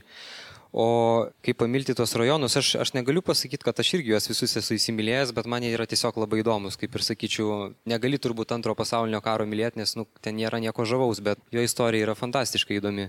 Tai taip pat ir su rajonais kitą kartą eini, nu ir čia rodai, nu čia nieko gražaus nėra, bet tai žavi. Lygiai taip pat kaip ir turbūt su muzikiniu skoniu, ne visiems irgi yra įdomus tie blokiniai rajonai ir man ne visą laiką ir pavyksta sudominti, bet yra kam patinka salsa, yra kam ten koks nors ambientas, yra dar kažkas. Žinoma, o ką tu turėjai omeny, sakydamas, kad Vilniečiai nemyli senamešio? Aš manau, kad tiesiog yra daug žmonių, kurie Bet mūsų tarpe, aš manau, viskas yra tvarkoje. Tikrai dauguma žmonių supranta, kokia tai yra graži miesto dalis, bet aš dažnai sutinku žmonės, kurie tiesiog nahališkai elgesi toje senoje miesto dalyje. Ir pas mus problema, palyginus su kai kuriais netgi ir kaiminiais senamešiais kitų šalių, yra ta, kad vis dėlto pešiam nėra prioriteto ir dažnai yra rizika, kad automobilis gali uždominuoti visur ir iš to atsiranda tokių daug labai šalia einančių problemų. Tai vat, Apie tą patį užupį konkrečiai labai kalbant, mano nuomonė, užupis miršta ir labai greitai miršta, nes jeigu dar prieš kokius 5-10 metų tikrai jautėsi, kad žmogus yra numeris vienas tenai, dabar aš netgi nebevedu iš tikrųjų ekskursijų, nebent tai yra privačios dėl to, kad nu, jauti, kad tu turi visą laiką brautis tarp poršų ten ir taip toliau, nu, tai jau yra tokia, sakyčiau, mirusi vieta, yra prioritetas yra atiduotas kažkam kitam ir ko gero ne žmogui. Dėkui. Um, Su mumis yra taip pat sociologė Dalė Čiapailaitė. Dalė beveik dvi valandas klausai Vilniečių liūdėjimų apie miestą Ir tai yra žmonės, kurie galbūt pirmą kartą tokiam bendram rate čia sėdim, bet kartu yra turbūt kažkas bendro, ką mes visi kalbam. Ir įdomu tau, kaip tyrėjai iš šono, ką tu girdi iš mūsų čia dabar kalbančių. Aš tai nusibraižiau schemutę. Pamėginsiu pareflektuoti tada po truputėlį gerai. Man tai viskas, kas pasakojama, labai susiveda į, į, į tokį vieną bendrą, bendrą dalyką, nors nuo kiekvieno dar galima eiti ir kalbėti apie labai daug ką. Taip suschematizuosiu. Pirmiausia, susiveda į santyki erdvės ir žmogaus. Ir tas santykis tarp erdvės ir žmogaus, jisai e, vyksta ne vakume kažkur tai, ne individualiai, bet jisai vyksta socialiniuose ratuose. Galim pasakyti visuomenė, galim pasakyti socialinės grupės. Tas santykis e, žmogaus ir erdvės e, iš visų šitų pokalbių atsiskleidžia per vieną vertus naudojimąsi tą erdvę, kitą vertus per emocinį atminties ir prisirišimo ryšį. Tai yra dvi tokios linijos, kurios tarpusavėje glaudžiai siejasi. Tai koks tas ryšys gali būti būti priklauso per dvi dimensijas, kiek mes turime galimybę pasisavinti, tai yra pilnai naudoti miestą ir kiek mes turime teisę prisidėti kuriant, dalyvauti kuriant miestą mes esame erdvinės būtybės, mes veikiame erdvėje, ne, bet e, mes nesame vienodi, o erdvė irgi nėra tiesiog duotybė, jinai nėra objektyvi ir tiesiog ten esanti. Tiek žmogus, tiek erdvė pasižymi tam tikrom charakteristikom. Kaip žmonės mes čia jau išgirdom. Mes turime lyti, mes turime su būtent visuomenė susietų socialinių normų, ką mes turėtume veikti, ką mes galime, kaip mes galime elgtis viešose erdvėse, kaip mes negalime, kur mes iš viso galime ateiti, o iš kur mes esame išstumiami įleidžiami, mums ten neleidžiama būti, kiek mes iš viso fiziškai dėl savo biologinių galimybių galime būti toje viešoje erdvėje. Taigi mes esame perkirsti visų šitų charakteristikų. Ir per tai mes susisėjom su tomis erdvėmis. Erdvės jos irgi mums leidžia būti arba neleidžia būti per savo materialumą. Tai yra fiziškai siauri šalygatvė, kuris stovi mašinos, neleidžia stumti vežimėlio bet taip pat per savo estetiką, per savo simbolinį charakterį, kaip yra, juose yra pažymėta, kam čia yra vieta, kam čia yra ne vieta, kodėl jaunuoliai iš mėgamųjų rajonų net važiuoja į centrą, dėl to, kad jie jaučiasi, kad tai ne jų erdvė, dėl to, kad ta estetika rodo, kad jūs čia ne vietoje. Kodėl e, paaugliai, kurie trindavosi reformatų parke ir mes juos turinėjom su studentais, neįdavo į Bernardinų sodą, kurį vadino fėjų parkeliu su nikštukais, jie jame jautėsi nesaugiai. Jie jautėsi saugiai reformatų parke, saugumo samprata kitokia. Taigi, va, Šitoje vietoje stos, nes Bernardinių sodas tarsi atrodytų saugesnė erdvė, jisai toks labiau iščistytas atrodė, ar ne, ar bent jau po viso ten įvykdytos renovacijos, bet šiuo metu reformatų parkas tarsi taps tokiu pačiu, kokiu tapo Bernardinių sodas. Taip, tai čia jeigu nušokant į tai, ką tu klausi, ar ne, Tai mintis yra toje, kad mieste yra įvairių viešų erdvių ir jos tampa atviros ir prieinamos įvairiom žmonių grupėm kurios e, gyvena skirtingus gyvenimo stilius, turi skirtingų poreikių. Aišku, to daugelį erdvių galima mėginti susijęti ir katedros aikštė yra puikus pavyzdys, kur labai labai daug skirtingų veiklų ir poreikių susisieja. Tačiau jeigu visas erdves pamažu mes valome ir darome fėjų parkeliais, visas užtveriame tvoromis, visur yra takučiai gėlytės ir, kaip sako tokia tyrinėtoja Setalau, everything's nice, viskas gražu, tai tampa patrauklu ir prieinama labai siaurai žmonių grupiai. Kitiems žmonėms reikia laisvės, reikia gebėti žaisti kamoliu, pasikabinti hamaką, bėgti stumint vežimėlį vaiko ir daryti vairius kitus dalykus. Tai tas erdvių valymas ir tvarkymas reiškia, kad labai daug visuomenės grupių yra išstumiamų apskritai kažkur tai periferiją.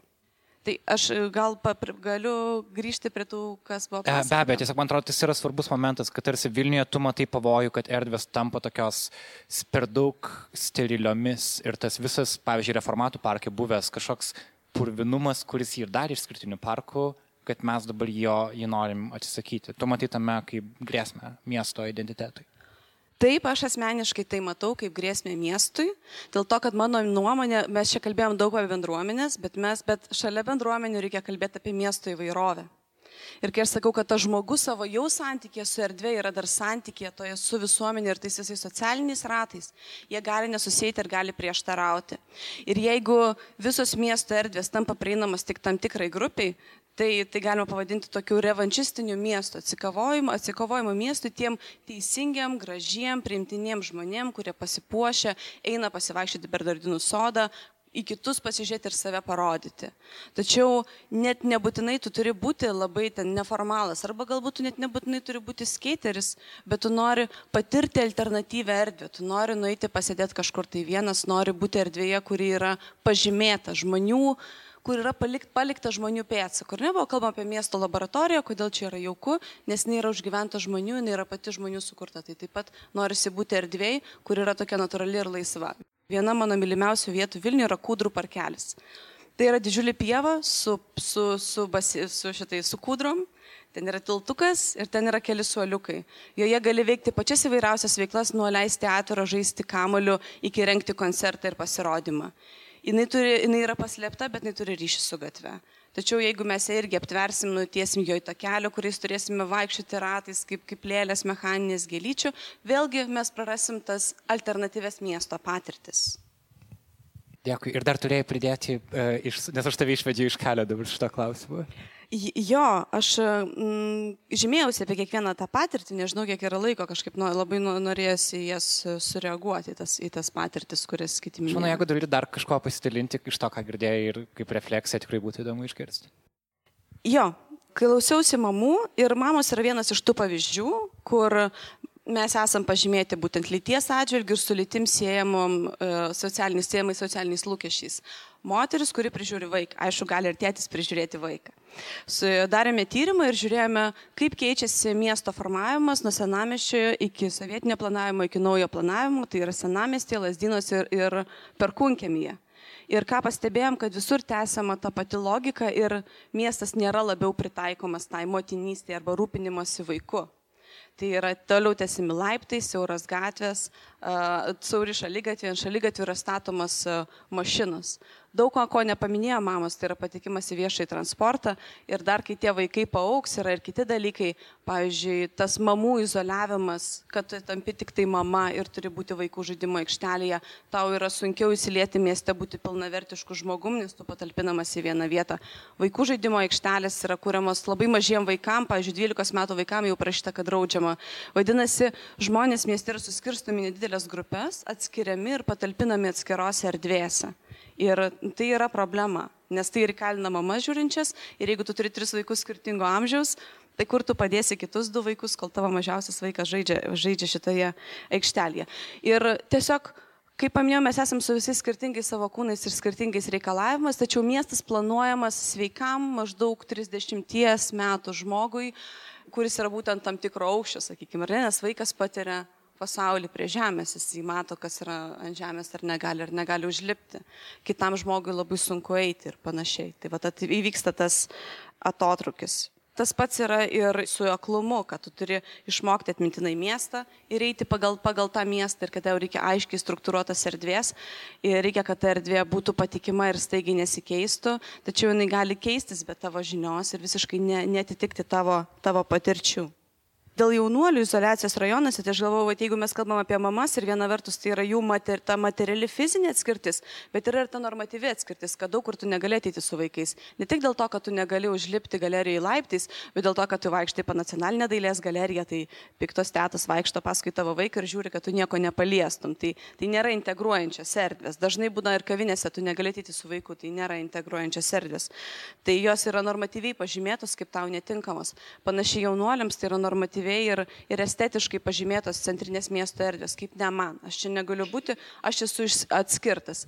Ir tada atitinkamai, jeigu tu naikini ir tas erdvės, kurios jiem yra artimos ir prieinamos, ta miesto valymo visa banga. Vadinasi, tu stumi tik dar toliau į pareibus? Ir tada mes dar labiau atitolstam vieni nuo kitų ir tas prasmingas kontaktas, galimybė susidurti, keistis dėl to, pažinti vienas kitą, jis dar, dar, daugiau, dar daugiau atitolsta. Panašiai su skeiteriais. Katedrai taip, katedros aikštėje dabar galima važinėti skaitis, tačiaugi buvo uždrausta, nebuvo galima. Kudirkos aikštėje ilgą laiką kabojo plakatas, kuris dabar nuimtas, tai nežinau, turbūt galima, kad negalima važinėti. Aš prieš keletą metų klausiau radio laidą, kurioje buvo diskutuojama su Zita Kelmitskaitė, kad reikėtų apskritai tos jaunuolius visus iškelti už miesto kur nors, lai jie ten savo bus. Ten jaunuoliai iškelti, čia maži vaikai iškelti, o jeigu tu ten jaunuolio mama ir vaiko mama, nu tai prasiplėšk, ar ne, į daug, į, į daug vietų, kiekvienas yra, kiekvienas yra savo, savo vietų. Ir tai rodo, kad mums reikia tos viešosios erdvės, kad mes ją galėtume būti, mes galėtume įprasminti save, mes galėtume susidurti, mes galėtume susikurti prasmingą gyvenimą. Ir tam mums reikia tiek, tiek tų atvirų viešų erdvių, tiek to, kas va, taip vadina sociologai socialinė infrastruktūra. Tai tų uždarų viešų erdvių, pavyzdžiui, kaip šitą erdvę, mes galim susijęti ir kalbėtis. Paminėtas skeiterių sukurtas uh, uždaras skate parkas yra vieta, kurie gali susijęti. Ir kai rajonuose atsiranda tokios vietos, tai jos tampa prasmingomis vietomis, kur žmonės gali būti viešoje erdvėje, bet veikdami panašią veiklą, susidurti vieni su kitais ir tokiu būdu formuoti prisirišimą prie tos erdvės, kurioje esi. Tai viena vertus, žodžiu, tas apskritai galimybė naudotis materialumu, patekti, kur tau reikia ir įvairiai patirti erdvę. O kitas būdas tai galimybė prisirišti, patirti emocijas ir patirti atmintį. Ir čia yra susiję ir su skulptūromis, klausimu, kas turi teisę ar neturi teisę žymėti. Ir tas pažymėjimas, vėlgi, kas ten galės būti, kai bus pažymėta, jeigu ten bus vytis, kas jausis ten gerai, jeigu ten bus kalvelė, kas jausis ten gerai, jeigu ten stovės didelis kryžius, ar kardas, kas jausis ten gerai. Tai viena vertus mes norime jame būti, o kita vertus tos ekskursijos jis suteikia būtent mums tą ryšio su miestu gilį. Tai yra tą būtent emocinį ir prisirišimo prie vietos dimenciją. Kad kai mes vaikštame į miestą, kaip aš sakiau pradžioje, mes išminame jame savo trajektorijas ir miestas sugula mumise ir mes jį tada, tada mes jį pažįstame. Ir va, tos ekskursijos jis leidžia pajausti tą miestą, į kurį dažnai va, daug kas yra tiesiog atvažiavęs, kaip labai tokį daugias luoksnį giliai einantį, parodantį, kad žmonės jame seniai gyveno, jie irgi ten buvo ir tu gali užmėgsti ryšį su, su to Vilnium, su tuo miestu. Tai va. Ačiū dalį labai už tą refleksiją. Kas liko, kas liko nepaminėta? Ką jūs norėtumėt perduoti kitiems čia surinkusiems žmonėms apie tai, kaip Vilnių patirti jūs? Galbūt yra kažkoks svarbus dalykas, kurį, apie kurį reikėtų kalbėti. Matau vieną ranką tenai, galbūt dar daugiau rankų yra. Mes galim vieną pas Andrių, gal aš nekalbėjusiu žmonių dar yra. Gerai, pradedam nuo Karolio tada. Šiaip man asmeniškai Vilnius yra logistiškai gana sudėtingas miestas. E, dviračių keliai ne visai logiškai išplanuoti, e, dažnai reikia pasivažinėti duobėmis, e, turbūt savo svorių plentinių dviračių aš tikrai nesivažinėčiau, bet aš labai džiaugiuosi, kad mano tėtis kažkada, kai dar paauglys buvau, pavaksnojo, kad va versus Aerius perleis Vlado Drėmus dingusi Vilnių. Žinai, čia yra geras dalykas. Kažkaip atradau Česlavą Milošą, kažkaip atradau kažkokią Vilniaus istoriją gilesnę.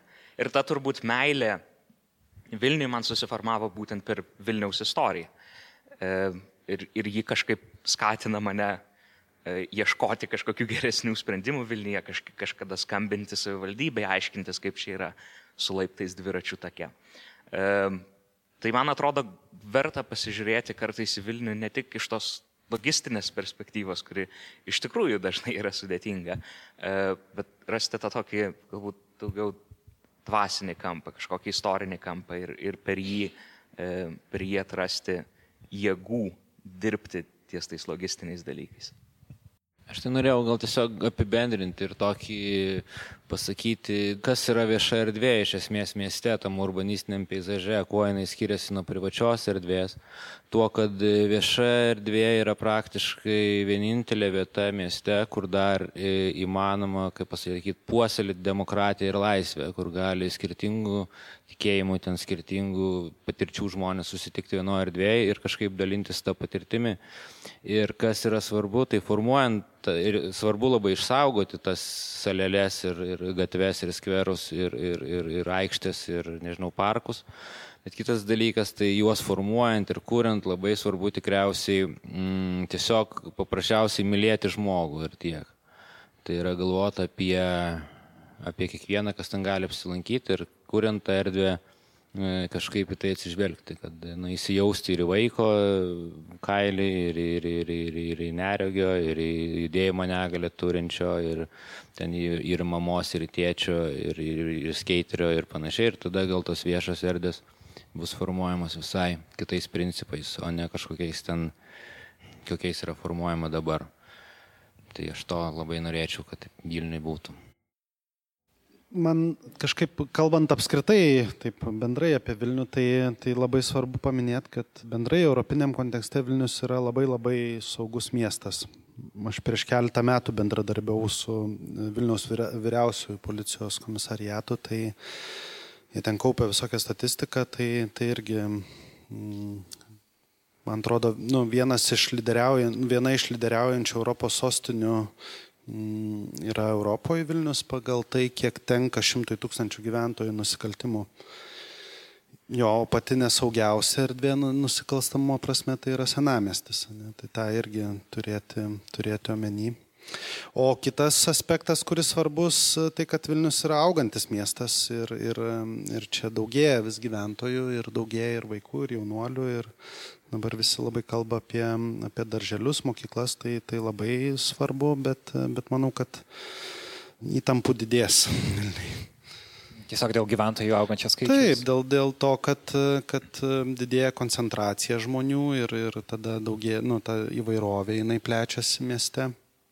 Ir, ir automatiškai, kada skirtingi žmonės bando sugyventi vieni su kitais, įtampos kyla. Būtų keista, jeigu jos nekiltų, tik tai klausimas, kaip, kaip yra kur tos erdvės, kur, kur ta įtampa gali išeiti, arba kaip jinai gali nu, išsiskleisti tą įtampą. Tai, tai viena, nu, vienas yra būdas nu, destruktyvė, ne, kitas yra e, pozityvė, ne per, per kūrimą, per, per padarimą, nu, kaip skeiteriai, ne, kad daro. Dėkui. Jo, aš dar norėčiau pridėti, man labai šiaip smagu čia dalyvauti, aš pagalvojau dar tokį vieną dalyką, kad iš tikrųjų mes daug šnekam apie tas pačias problemas ir kaip iš tikrųjų net tam tikros nuostatos ir socialinės grupės susiduria mieste. Bet vieną dalyką, kurį aš prisimenu, kad aš laiką, kai būnu Vilniui, prisimenu, koks jis nuostabus, kai atvažiavo pas mane draugai iš užsienio ir jie man tai primena. Ir aš tas, tarsi turiu tokią galimybę jam parodyti ir ne tik senamestį, ir kitus rajonus. Ir dar suprantu, kad oho, čia iš tikrųjų yra nuostabu. Tai vieną dalyką, kurį labai norėčiau priminti, tai man labai yra smagu, kad pirmas yra, kad mes kalbamės apie tai ir kalbamės čia ir dabar. Ir kitas dalykas, kad mes e, miestą kuria žmonės. Ir va didžiausias dalykas, manau, kas padeda įkeisti yra iniciatyva, kuri vyksta ir dabar. Tai aš tiesiog noriu pasakyti, kad tą, kai nepamiršti ir supranti, kad net mikro darbais gali tai pasiekti, tai man labai tiesiog yra smagu, kad dabar aš galiu dalyvauti su jumis šiame tokia, aš sakau, čia psichoterapinė miesto grupė. tai reiktų tiesiog daugiau visiems, e, kaip čia, platinti va, tą žinutę. Tai va, tai tiek. Dėkui, Sauliu. Um, dar dar e, dalė turi komentarą? Aha. Norėjau pasakyti tik tai, kad e, jo miestas auga, bet tos prasmingos miesto erdvės, kur, kaip sako, galima išlėti tą tai, kas kyla susidūrus įvairovėje, jos lieka tiek pat pakankamai nedaug. Tai yra lieka tos centrinės miesto kaiminijos. O miestas auga tokiais būsto projektais, kurie yra visi aptveriami iš visom tvarom ir jie nesukuria, jie neprisideda prie miesto, jie nesukuria erdvių, kur mes galime matyti pasivaikščioti, jose neatsiranda jokios, jokia ta socialinė infrastruktūra, tai nei biblioteka, nei parduotuvė, nei ten jokia kita įstaiga jose negali atsirasti, taigi miestas fiziškai labai stipriai didėja, bet vis tiek susitelkia viskas, kas turime tik tai tame, tame senamiestyje. O kaip manai, kodėl taip yra? Dalį ar turi kažkokį atsakymą, kodėl Vilnius plečiasi? Yra tas uždarumas, tvorų tam tikra politika, kad užuot kūrus bendras erdves, kas yra galbūt Lietuvos kultūroje, nežinau, kas tai lemia? Iš tikrųjų, tai e, žmonės nebūtinai gyvena tokiose vietose dėl to, kad jie būtinai nori taip gyventi. Tiesiog dabartinės nekilnojamo turto rinkos sąlygomis nėra statoma jokių, jokių alternatyvių, nu beveik nu, mano žiniomis, o aš tai specifiškai tyrinėjau, nėra statoma kitų būdų būstas. Jisai visas statomas namų grupėmis, kurios yra sistemingai aptveriamos ir tai yra, na, man atrodo, kad tai yra net įtraukta į statybų reglamentą. Ir tai susijęs su to, kad mes esame pasocialistiniai visuomeniai ir e, kai buvo daug labai tokio priverstinio viešumo, yra labai didelis noras turėti daug privatumo ir savo. Ir tai yra matoma kaip buvimas už tvoros ir saugumas tam tikras. Ir kai tyrinėjom žmonių uh, apsisprendimą gyventi taip. Jie sako, aš noriu gyventi su vienodu, aš noriu, kad visi aplinkui būtų jauni, turėtų mažų vaikų, kad gyvenčiau su tokiais pačiais žmonėmis kaip aš ir man nereikėtų susidurti, man nereikėtų patirti jokio konflikto, man nereikėtų apie nieką kalbėtis. Tačiau uh, konfliktas, jeigu mes gyvensim taip susiskirstę, jisai, jisai tik tai auks. Tai va, ir taip pat yra įsivaizdavimas, na ir iš savivaldybės pusės, kad taip yra lengviau spręsti, žmonės patys tvarkysis, patys išsispręs, nebus jokių problemų ir tai labai bus puikiai gyvendinta. Tai aš gal irgi taip pa, papildysiu, gal pridursiu savo tokiais pamastymais, kad man atrodo tie, nu, tie sovietiniai daugiabučiai, jie nebuvo taip blogai suprojektuoti ir įgyvendinti, kad ir, nu, kaip mes jų nekestume, arba kaip, bet, bet ten tikrai nu, buvo, buvo palikta erdvės ir, ir kas to kapitalizmo laikotarpiu atsitiko, tai Tai jau dabar, ne, mes galim jausti to pasiekmes ir, ir man atrodo dar daugiau jausis, ypatingai ten vat, per, kunkėm, per kunkėmis yra, ne, kur prie bigo. Ten. Tai va tie, aš neseniai vieną, su vienu kolega kalbėjau, tai jisai išsikraustė iš ten ir aš klausiau, nu tai kas atsitiko, kodėl tu sugalvojai išsikraustyti, sakė, aš nebeiškenčiau. Dėl to, kad, žodžiu, sienos yra popierinės, viską visi girdi. Laiptiniai šiukšlynas tragedija, mašinos nebetelpa, nu, nebeįmanoma gyventi, dėl to, kad tiek žmonių vienoje vietoje gyvena ir, ir, ir, va, ir žmogus pasirinko išsikraustyti kitą rajoną. Tai man atrodo, kas, kas dar po dešimt metų ten atsitiks, tai ten tikrai bus nu, pačios mažiausios vertės būstai ir, ir tenai pradės kelti šeimos mm, skurdą patiriančios nežinau, savivaldybė galės ten pirkti nu, socialinius būstus ir, ir tokiu būdu mes, mes sukursim tokias teritorijas, kurias e, dar, nu, dar labiau norėsis aplenkti. Kurios jau ir geografiškai bus. Jo, ir, me, ir man atrodo, jau dabar galima patirti tenai, man atrodo, netgi buvo straipsnis kažkoks apie šiukšlės, būtent tenai. Tiesiog daugybė, daugybė rizikų atsiranda, ne? kaip, kaip kiemai yra užgrūsti, kaip nežinau, kaip, kaip greitai atvažiuoti, kaip gaisrinė atvažiuoti. Ir, ir Aš tiesiog norėčiau grįžti prie futbolo aikštelės. Pavyzdžiui, kaip nu, galima sakyti, kad um, nu, visuomenė turėjo kažkokią erdvę, kur, kur galėjo ateiti žaisti futbolą, pavyzdžiui, su vaikais, į treniruoti, šiaip su tėvais ir taip toliau. Tai tokia vieta buvo Žalino, pavyzdžiui, stadionas. Kol jis buvo apleistas, ten buvo galima žaisti, ateiti, bet kada ir žaisti. O paskui, kai pradėjo tvarkyti, ten atsidaro, nu, yra tvora, ir viskas, nebegalima. A, kaip veikia ta schema? Tiesiog po sovietmečio liko, pavyzdžiui, Žalgerio stadionas. Jis buvo apleistas, o paskui visuomenė įtikino, kad teritorija yra apleista, ją reikia sutvarkyti. Ir ją sutvarko. Ką mes dabar turime? Mes neturim ne tik stadiono, mes neturim viešosios erdvės. Mes neturim tokio architektūrinio a, objekto kaip, nu, kaip vieta, kuri nu, yra kaip erdvė, kad tuščia vieta, sakyčiau, kad yra tiesiog tas jausmas, erdvinis, erdvinis jausmas kažkoks yra. Ten yra viešbutis, bet turbūt mes, nežinau, ar galėtumėm. Tam atrodo, aš galiu važiuoti tik užsimerkęs ten, ten toj vietoj. Uh, bet šiaip tai buvo viešoji erdvė. O dabar ten žmonės ten skundžiasi, kad yra šešėlis, kad ten per daug sutvarkytas, ten kažkaip ten, mm, ten nežinau, tai man, man sunku tą pojūtį, kokį aš turiu tai dabar pa, paaiškinti, bet tiesiog noriu, noriu, noriu pasakyti, kad tai buvo erdvė, kur žmonės galėjo susirinkti tame rajone. Tas rajonas dabar tokios vietos neturi. Ir pati, ir iš tos pusės, kai ten buvo ir teatro arena kažkada ir taip toliau, tai ta vieta a, tampa kaip, ir nevišioja. Va, toks mano toks pastebėjimas. Dėkui. Man labai nesinori kartotis, nes daug kas pasakė labai prasmingų ir įdomių minčių, bet tiesiog galbūt norisi tokias šiek tiek prieštaringas mintis išsakyti, nes visų pirma gal pradėsiu nuo to, kaip aš pati kol kas pati savo aiškinu, tai kodėl aš nesijaučiu savo šitą miestą, turbūt dėl to, kad užaugau tuose naujininkuose, kuriuos nekartą minėjo žmonės. Ir tuo metu, kai aš augau, tai buvo laikoma labai nesaugių rajonų, tėvai tiesiog nuolat nerimaudavo ir mes praktiškai, aš ir mano sesė, mūsų maršrutas buvo namai, mokykla, muzikos mokykla, namai, viskas. Kiemas buvo asfaltuota aikštelė, tai mes niekada ten neįdavom, kartais gal išeidavom su tėvais ar su mačiute pasivaikščioti. Tai realiai nebuvo to jausmo, kad aš turiu teisę į tą miestą. Mes tiesiog va, tokių saugių maršrutų vaikščiodom. Po to, kai pradėjai jau būdamas kokių, ten nežinau, 15-16 metų pats tyrinėti kažkiek tą miestą, tada susiduriu su tokia situacija, kad pabandai nusukti kažkokią gatvę, kur nesi anksčiau buvęs ir prieina prie tavo žmogus ir sako, ko tu čia reikia, ko tu čia nori ir tada Nu, tokios netgi reakcijos būdavo. Dabar nežinau, kaip yra kitaip. Dabar mes, ta prasme, susėsę suaugusios, vaikštinėjom savo pakankamai ramiai. Bet buvo tas laikotarpis, aišku, kai narkomanais gazino ir taip toliau. Tai turbūt dabar ta situacija saugumo, kaip minėjo Kasparas, ne, kad turbūt yra pasitaisiusi. Bet vat, iš dalies turbūt tai prisideda, kad tarsi kaip ir užaugai mieste, bet visiškai neturėjus jo ryšio, nes tiesiog buvai kaip ir įtikintas, kad tai yra nesaugi vieta ir tuo metu galbūt iš tiesų jinai tokia buvo nesaugi vieta.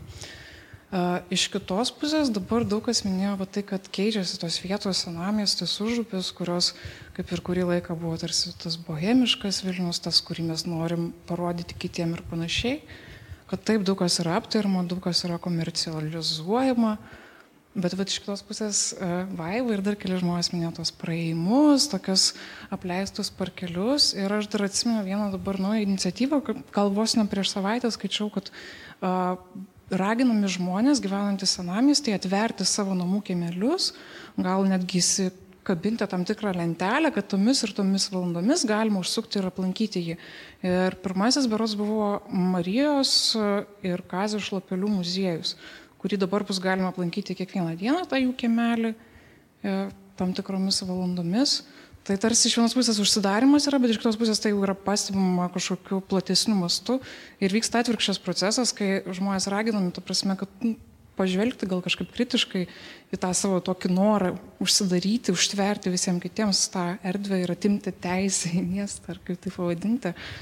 Bet aišku, vat, tiesiog kaip visą tai sujungti, kad aišku, bandai suvokti tą savo tokią patirtį pakankamai irgi izoliuojančią, iš kitos galbūt pusės, negu, tarkim, tuos jaunuolius, kurie iš kažkokios, nežinau, nevilties atvirkščiai gatvėje savo rajone leido laiką, bet vis tiek savaip izoliuojančią.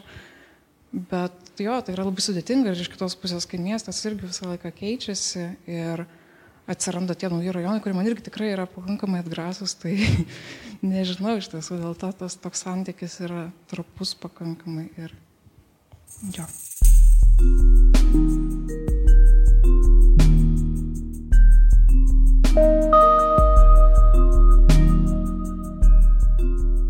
Grįžę namo, nunuk dėžutėje radome laišką. Ji rašė viena iš rate sėdėjusių Vilniečių. Ji nesijautė patogiai sakydama savo mintis viešai dėl scenos baimės, bet sutiko leisti perskaityti jos laišką visiems.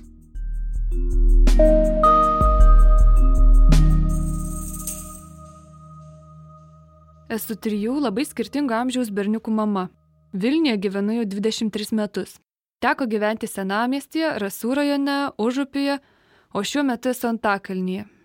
Kol neturi vaikų, senamestėje gyventi labai smagu, bet atsiradus vaikams ieškojame vietos, kur yra šiek tiek žalumos ir erdvės, kurie galėtų išeiti į kiemą pažaisti. Taip atsidūrėme Rasų rajone. Kodėl ten buvo labai gera gyventi, supratau sėdėdama jūsų pokalbių rate. Tame rajone turėjo ką veikti visos amžiaus grupės, pradedant vaikais, baigiant seneliais. Galima buvo peiti aplink rajoną, vedžiojant šunis ar vaikus. Pamojuoti pravažiuojančiam traukiniui ar skrendančiam lėktuvui. Kartais traukinio vairuotojai papipsėdavo mojuojantiems vaikams ir tai būdavo nuostabu. Ten buvo ir suoliukų, ant kurių sėdėdavo senukai ir jaunimas.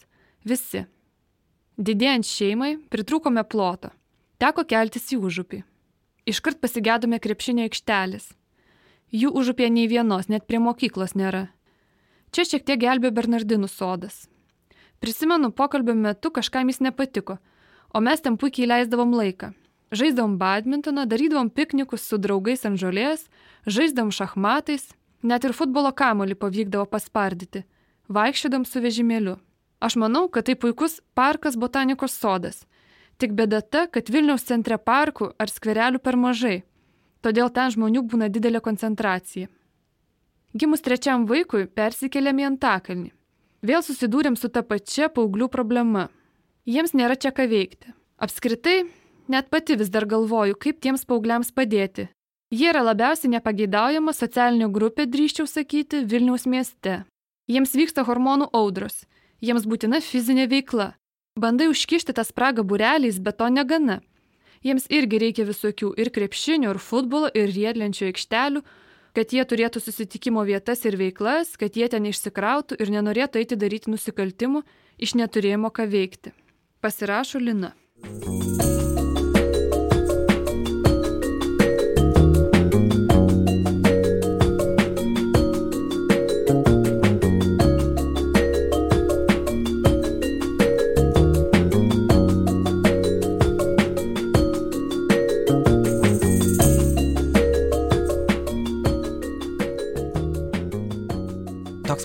epizodas šiandien.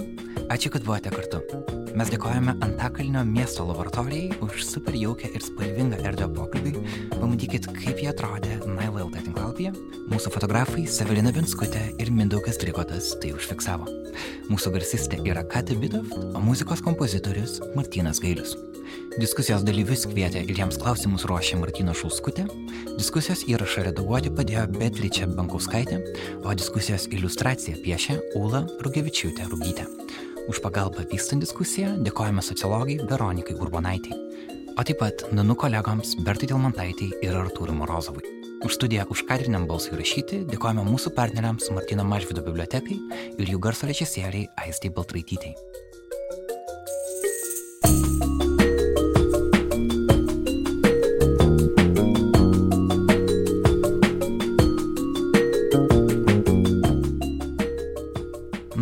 Žurnalistiką išlaiko patys klausytojai Patreon platformoje. Priminsiu, adresas yra patreon.com/nanuk multimedia, kaip vienas žodis. Šiuo metu prisideda 316 klausytojų, iš kurių kas mėnesį gauname 1728 dolerius nanuk darbams. Mūsų tikslas yra 2000, esame jau arti jo, tad jeigu jums patinka tai, ką mes darome, kviečiame prisidėti.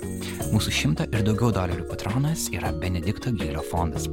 Epizodą redagavo Kata Bitoft, o vedžiau ir montavau aš Karolis Višniauskas. Nailo podcastą kuria žurnalistų kolektyvas Nanuk. Sustikime kitą savaitę. Gerų rinkimų jums. Iki.